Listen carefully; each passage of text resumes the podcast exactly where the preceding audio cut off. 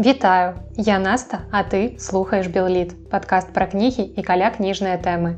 За два тыдні я атрымала проста цудоўныя водгукі ад першага выпуска з госцем з перакладчыкам Сергеем матыркам. Гэта быў выпуск нумар 30 і я вельмі рада, што вам спадабаўся і такі фармат, калі не толькі я адна бубню мікрафон і ў сувязі з гэтым у мяне ёсць адна невялікая абвестка. Бо калі раптам мяне слухаюць людзі, якія актыўна ўдзельнічаюць у нашым бягучым літаратурным працэсе, гэта і пісьменнікі, перакладчыкі, крытыкі, рэдактары, карэктары, нават дызайнеры, ілюстратары, бо гэта ўсё таксама важна ў кнізе і калі гэтым людзям вельмі хочацца нешта данесці свету праз мой падкаст то я запрашаю іх у госці калі вы гэты чалавек калі вы робіце нешта для беларускай літаратуры і калі вы хочаце пагутарыць на цікавую для вас тэму расказаць неяк пра сваю дзейнасць трошки паадказваць на мае пытанні то калі ласка напишитеце мне або на пошту белліт пост сабака gmail.com яе вы знойдзеце ў апісанні або можна мяне знайсці на фейсбуку наста карнацкая я здаецца там такая адна. І калі вы таксама ведаеце нейкі іншы спосаб як можна са мной звязацца то я толькі за я вельмі чакаю гасцей таму пішыце. Тут у нас у падкасці вельмі удзячная аўдыторыя таму калі маеце што сказаць скажыце. Ну а цяпер пяройдзем да сённяшняга выпуску якім вас чакае кніга пра важнасць ведання мовы прычым пажадана не адной мовы. Таксама роман які прымусіў мяне сапраўды вельмі шмат смяяцца. Яшчэ кніга кніга беларускай аўтаркі, якую чакалі 13 гадоў і зборнік дзіцячых вершаў для дарослых. Даволі часта розныя выдаўцы ідуць на пэўныя хітрыкі для таго, каб кніга лепш прадавалася. Яны даюць, напрыклад, назву, якая або неяк часткова або увогуле не адпавядае таму, што ўнутры ў кнізе яе зместу і наступная кніга называется тонкасці перевода, как язык влияет на нашу жизнь і преобразует мир. Яе напісалі перакладчыкі Наталікелі і ёст цэчы. І чаму я тут звярнула ўвагу на неадпаведнасць назвы зместу, бо гэтая кніга кніга гэта хутчэй такі зборнік цікавых гісторый пра ўжыванне перакладу ў розных выпадках у розных сферах нашага жыцця, чым даследаванне ўплыву умовы на наше жыццё. Але тут сапраўды шмат розных цікавых гісторый, якімі захочацца дзяліцца з вашымі сябрамі, знаёмымі.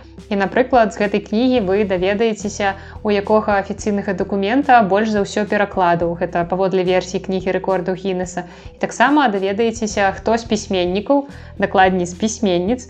У 2011 годзе заняў першае месца ў кнізе рэкордаў Гінеса паводле колькасці перакладаў яе твораў. І таксама колькі грошай трацяць дзяржаўныя установы ведомстве Канады за пераклады з французска-ангельскай пары. І тут вам будзе спойлер, гэта мільёны канадскіх даляраў. Увогуле тут вы сустрэнеце процьму розных цікавых перакладчыцкіх гісторый і праўда вось такая лёгкая анекдатычнасць робіць гэтую кнігу трохі павярхоўнай, бо яна напісаная вельмі проста, тут няма нейкай спецыяльнай лексікі. Так што людзі, якія ўвогуле далёкія ад свету лінгвістыкі, яны таксама змогуць задавальненнем пачытаць гэтыя гісторыі. Але ж чагосьці ну такога кардынальна новага пра асаблівасці перакладаў вусных ці пісьмовых я не даведалася але ну неяк можна прыемна правесці час за мілымі гісторыямі з гэтай кнігі. Ну а нейкія высновы з яе трэба ўсё ж рабіць самастойна бо аўтары ну яны дакладна тут канкрэтна не адказваюць на тэму якую заявілі ў назве. Але калі вы кнігу прачытаеце Я думаю што вы самі зразумееце як часам мова дакладней няведанне нейкай мовы можа ратаваць або руйнаваць жыццё І для таго, каб вас неяк трошкі зацікавіць, заінтрыгаваць гэтай кнігай, я падзялюся некаторымі гісторыямі, якія мне асабліва запомніліся. Напрыклад, гісторыя пра тое, як пасля ўзвядзення берлінскай сцяны ў 63 годзе Джон Кеннеді, які на той час быў прэзідэнтам ЗША, ён прыехаў Берлін, каб падтрымаць неяк берлінцаў выступіць перад імі. І там ён нават здолеў прамовіць некалькі слоў па-нямецку і гэтым ён там людзей вельмі ўразіў.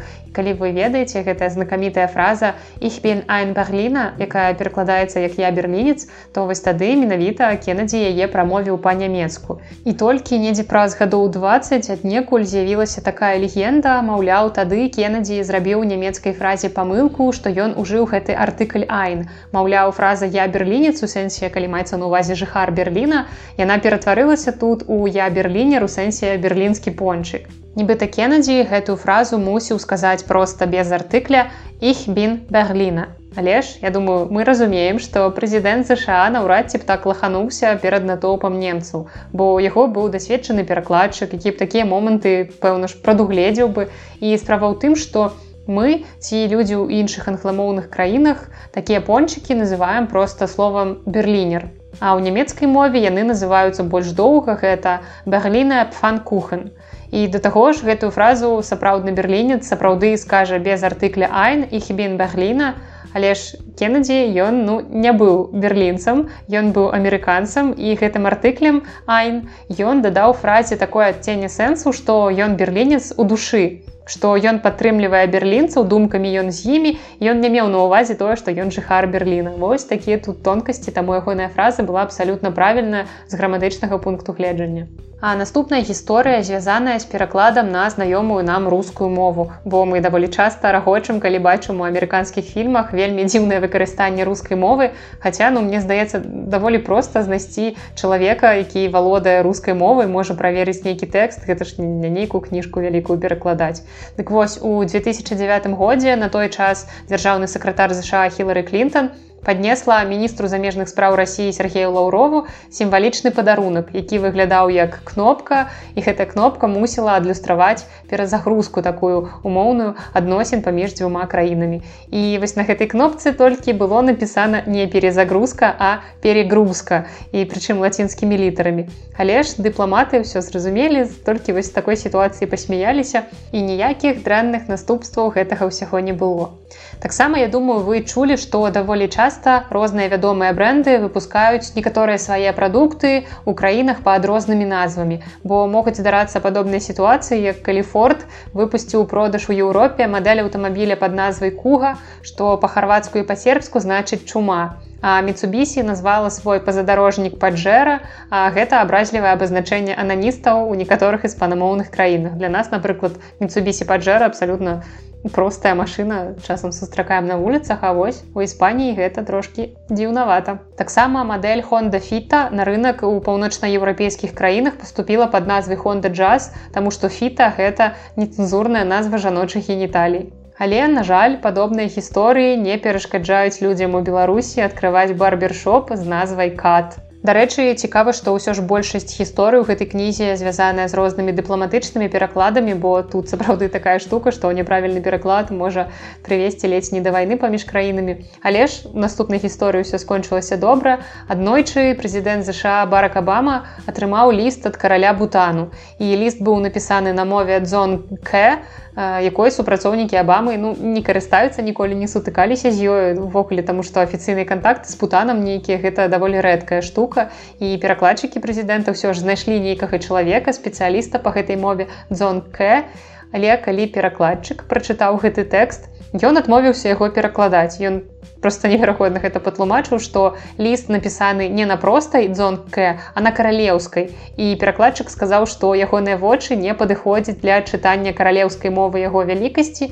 Таму давялося шукаць іншага перакладчыка. Яго знайшлі і ўжо той паведаміў што гэты ліст змяшчае проста навагоднія віншаванні І мараль ва ўсіх гэтых гісторыях вельмі простая. Вучыце мову, як вам ужо ў 30 выпуску падкаста казаў перакладчык Сергей Матырка, вучыць мову гэта вельмі важна. І гэта важна не толькі з той прычыны, што вы можаце чытаць там нейкія іншыя сродкі масавай інфармацыі або нейкія кнігі артыкулы камунікаваць з людзьмі. Але мова люб... вывучэнне любой мовы гэта выдатная трэніроўка для мазгоў. Таму каб ваши мазгі не засохлі вучыце мову вучыце мове сваіх дзяцей бо дзеці вельмі выдатна ўспрымаюць мову. Напрыклад у мяне ёсць дядя Андрей гэта стрыечны брат маёй маці які жыве ў Канадзе і ягоныя дзеці размаўляюць на чатырох мовах. Яны размаўляюць на мовах сваіх бацькоў гэта руская літоўская і таксама так як яны жывуць у Канадзе яны размаўляюць на ангельскай на французскай. Калі яны прыязджалі до нас у госці гэта было нешта неверагоднае тому что дзеці размаўляюць на гэтых мовах адначасова. Яна можа пачаць фразу по-руску сказаць некалькі слоў па-літоўску по-французску і скончыць усё по-ангельску і гэта просто вельмі класна бо для дзяцей ну не існуе ніякіх перашкодаў у галаве што о ой мова гэта складана. Яны просто яе засвойваюць. Таму вучыце мову лішнім гэта ну дакладна ніколі не будзе. Наступная кніга гэта тая самая пра якую я ў прадмове да выпуска казала, што падчас яе чытання я смяялася. Я проста сапраўды зачытвала ў голас некаторыя фрагменты, рагатала, потым сустракала нейкі сюжэтны нечаканы паварот і тут у мяне ўжо замірала сэрца што я далей просто не разумела ці я маю маральнае права смяяцца з жартаў аўтара калі там у сюжэце нешта такое адбываецца жорсткае і раптам вось кніга якая мне спачатку здавалася такім лёгкім гумарыстычным раманам пра жыццё некалькіх людзей у невялікім горадзе а раптам ператварылася ў востра сацыяльную драму і просто далей разрывала мне сэрца. І гэта ўсё пра раман Рчарда Русо Empire Фолс, які ў 2002 годзе атрымаў пуліцарускую прэмію. І раман сам даволі аб'ёмны там 600 старонак, але ў ім сапраўды няма нічога лішняга, бо за гэтыя 600 старонак ты пражываеш мноства жыццяў з героямі кнігі. Напрыклад, ёсць Майлз, гэта, чалавек які 20 гадоў працуе ў мясцовай забягалаўцы. У яго няма абсалютна ніякіх перспектыў няма надзеі на нейкі кар'ерны рост. Ён толькі спадзяецца што уладальніца гэтай установы яна даволі забяспечаная жанчына і валодае просто паловай горада што раптам яна ў сваім тэстаменце перапіша рэстаран на майлза таксама яшчэ жонка з ім вырашыла развесціся а дачка подлетак яна ў тым узросце калі ёй увогуле ну не вельмі хочацца камунікаваць з бацькамі з іншымі дарослымі. І таму майлзу застаецца толькі неяк рухацца спакойна спадзявацца што заўтра можа быць нешта зменіцца. Ён толькі чакае гэтых пераменаў ён сам нічога асабліва для гэтага не робіць. І гэтая кніга напісаная нібыта у яе не было аўтара. Мне вельмі падабаецца гэтае адчуванне калі рука пісьменніка абсалютна ў творы непрыкметная нібыта ты просто назіраеш за жыццём сапраўдных людзей што ты не чытаеш нейкі мастацкі твор а сочыш нібыта просто ба тэлевізары за рэаліці-шоу пра жыццё аднаго горада бо героі падаюцца вельмі блізкімі вельмі сапраўднымі і ты чуеш галасы гэтых людзей а не голас аўтара. і главы хаця некаторыя напісаныя з пункту гледжання розных персанажаў. І вельмі часта калі аўтары выкарыстоўваюць такі прыём яны не могуць напісаць кожную главу ў стылі новага героя. У іх напрыклад гаворыць адзін персонаж гэта адна мова. І потым пачынае гаварыць другі персанаж але ён абсалютна нічым ад першага не адрозніваецца і кніга атрымліваецца вельмі аднастайнай. Але ж аўтар гэтай кніжкі ён зусім выдатна справіўся у яго ўсе персанажы гучаць сваімі галасамі і таксама ў гэтым творы што мне вельмі падабаецца аўтар вельмі класна іранізуе над рознымі жыццёвымі сітуацыямі. Мне хацелася просто цалкам гэту кнігу абляпіць стыкерамі каб потым вяртацца перачытваць гэты асобныя месцы. Настолькі тонка русо прыкмячае нейкія нюансы жыцця і нават тыя рэчы якія просто ляжаць на паверхні. Напрыклад я вам зачытаю некалькі цытат з гэтай кнігі Впоследствии он любил говорить не без печальной усмешки, что в размолвках с женой за ним всегда оставалось последнее слово, а точнее два слова. «Конечно, дорогая».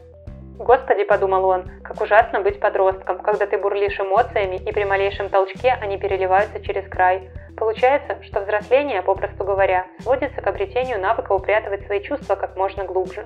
І дарэчы, дзякуй Стывену кінгу, які ўбіў галаву думку, што калі падзеі ў рамане адбываюцца ў штаце Мэн, то нічога добрага ад кнігі чакаць не варта. І калі вы шукаеце глыбокі аб'ёмны раман для поўнага пагружэння, каб правесці з кнігай некалькі прыемных вечароў, то гэта проста выдатны варыянт. І ў мяне яшчэ таксама зараз у чарзе адна кніга аўтара, перакладзеная на рускую мову, яна называецца непасредственны чалавек.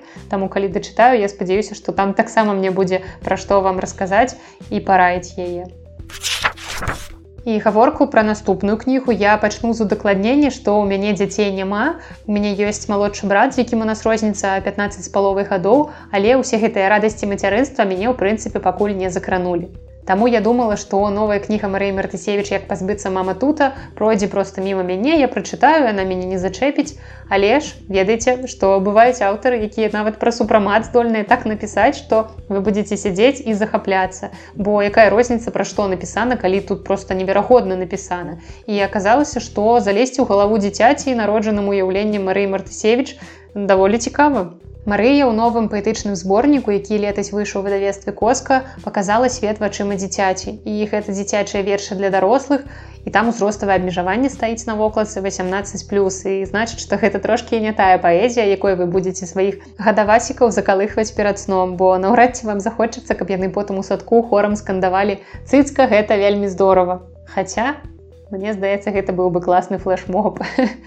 з больш дарослымі дзецьмі можна чытаць гэтую кнігу разам успамінаць тыя цудоўныя часы калі яны на ваших каленках змяшчаліся як напрыклад мой тата вельмі любіць гэта згадваць. А дарослым падчас чытання я вельмі рэкамендую рагатаць у голас пахіхікваць як сарамлівыя падлеткі бо многія моманты з жыцця ў гэтай кнізе неверагодна пазнавальныя яны нават без вопыту бацькоўства гэта просто вельмі універсальныя рэчы з нашага жыцця бо ўсе мы былі малымі многае з дзяцінства памятаем напрыклад кармленне лыжачку за маму лыжачку за тату або страшны монстр мама тут под чыім пільным поглядам мы ўвесь дзень знаходзімся ідзе крок управа крок улева расстрэл. Напрыклад пасля верша імёны я вельмі доўга рагатала бо гэтае жыццёвае назіранне мне яшчэ да гэтага вершу не давала спакою. Калі ў двары тры рагнеды 5 альгердаў і вельмі лёгка выдзеліцца калі ты назавеш свайго сына просто сярожа. І ўвогуле ўся гэтая кніга гэта такое бязлітаснае пры гэтым вельмі цёплае іранізаванне над лёсам бацькоў. Марыя напісала просто шыкоўны зборнік які можа стаць прадухай у нашы такія ну не вельмі пазітыўныя часы. Бо кіраўнікі дзяржавы змяняюцца прыходзіць сыходзіць а дзеці нараджаюцца пастаянна і гэта тая тэма якая нас будзе цікавіць заўсёды Таму я раю маладым ці не вельмі бацькам чытаць гэтую кнігу пазнаваць сябе млява ўздыхаць. Астатнім хто не мае дзяцей таксама чытаць спадзявацца што аднойчы ты не пазнаеш гэтага мама тута ў сабе. І нам усім разам чытаць і ведаць што кожны чалавек носіць свайго мама тута з сабою калі ў свеце існуе нейкая магія то я веру толькі ў кніжную магію бо менавіта ёй можна вытлумачыць здольнасць некаторых кніг зачароўваць калі ты сябе з кнігай у руках знаходзіш у куточку кватэры і твае вусны загарожаны прагаворваюць нейкі тэкст нібыта за мову. Бо менавіта так для мяне чыталася новая кніга евы віжнавец па што ідзеш воўча яна чыталася на адным дыханні як замова іх это была замова ад страху ад гістарычнага бяспамятства. І гэтая кніга выйшла ў 2020 годзе у новай жаночай выдавецкай ініцыятыве фляумбаум. Сюжэт кнігі можна апісаць адным сказам. Алкагалічка рына вяртаецца ў Беларусь на пахаванне бабкі, дзе яе ўжо чакаюць цені мінулага. Бо ад іх можна збегчы ў іншую краіну, Але прыйдзе час, калі яны паклічуць цябе і тыя ж цені мінулага пачынаюць накрываць і чытачоў. Цені мінулага рыны і ты адчуваеш сябе гэтай рынай і далей пачынаецца проста самае сапраўднае чараўніцтва, бо жанр балотная казка ў гэтай кнізе пазначаны не проста так. Бо палотная казка гэта маецца на увазе не толькі сюжэт але і пра тое што гэтая кніга яна сапраўды як балота але ў добрым сэнсе. Балота якое просто цябе цалкам засмоктвае ўнутр сябе як гэта вір памяці ў серыі кніг пра гары потара ты зазірнуў гэтую кнігу і просто знік там цалкам з галавой. І ў беларусі сапраўды даволі шмат такіх бабак як бабка рыны і ўнутры гэтых бабак ёсць цэлы свет. Яны хаваюць у сабе сапраўдныя скарбы. Гэта шаптухі варажбіткі вядзьмаркі я думаю у кожнага ў вёсцы ці ў нейкім невялікім горадзе ёсць такая бабка і гэта просто невераходна багаты культурны пласт нашай краіны які толькі чакае вось удзячных слухачоў і чытачоў. І ў сваёй новай кнізе Ева віжнавец дала ім слова каб мы іх пачулі. І яшчэ тут выдатная мова што зразумела ніякая кніга не будзе чароўнай без мовы без удалага выбару без удалага спалучэння слоў. І Ева віжнавец у сваёй кнізе выкарыстоўвае мову роднай любаншчыны мясціна дзе яна расла выхоўвалася і гэта ўсё працуе выключна на карысць твора бо яе персонажы жывыя ты сапраўды ім давяраеш. І з маіх суб'ектыўных мінусаў толькі тое што аб'ём кнігі зусім малы але ну магчыма што калі б гэтая кніга была большага памеру яна была б цяжэйшая таму што вельмі цяжка вытрымаць гэты канцэнтраваны тэкст. Калі там столькі пакутаў што просто неверагодна і ў канцы больш доўгай кнігі нам давядзецца нібыта вынырваць з большай глыбіні. Я мяркую што часам сапраўднае мастацтва акурат якраз у тым каб сказаць многае у малым. Я ведаю што цяпер многія з вас увогуле ну рэдка чытаюць мала чытаюць. Мы разумеем усе што такія часы. Тым больш што нешта не надта пазітыўнае чытаць яшчэ цяжэй. Але гэтую кнігу я сапраўды вам раю прачытаць яе варта прачытаць калі вы цікавіцеся бягучым беларускім літаратурным працэсам бо гэтая кніга гэта сапраўды падзея вось за апошнія гады. Гэта выдатны твор які не варта абмінуць заканчиваю гэты выпуск і цешуся вельмі з таго якія сёння ў ім аказаліся цудоўныя кнігі. І я спадзяюся што вы таксама вынеслі з гэтага выпуска для сябе нешта цікавае карыснае. І спасылкі на ўсе кнігі па-ранейшаму будуць у апісанні да выпуска. І таксама калі вы слухаеце мой падкаст праз apple падкасты то я заклікаю вас ставіць падкасту адзнакі пісаць водгукі Таму што гэта дапамагае яму здымацца вышэй у розных рэйтынгах каб ну яшчэ большая колькасць людзей магла мяне паслухаць. І таксама ў апісанні спасылкі на каналы сувязі са мной калі вы маеце нейкія пытанні ці прапановы ці хочаце стаць гостцем гэтага подкаста і таксама там у апісанні можна паглядзець як гэты падкаст можна падтрымаць. І дзякую што сёння слухали з вами была наста і падкаст белбіт сустрэнемся праз тыдзень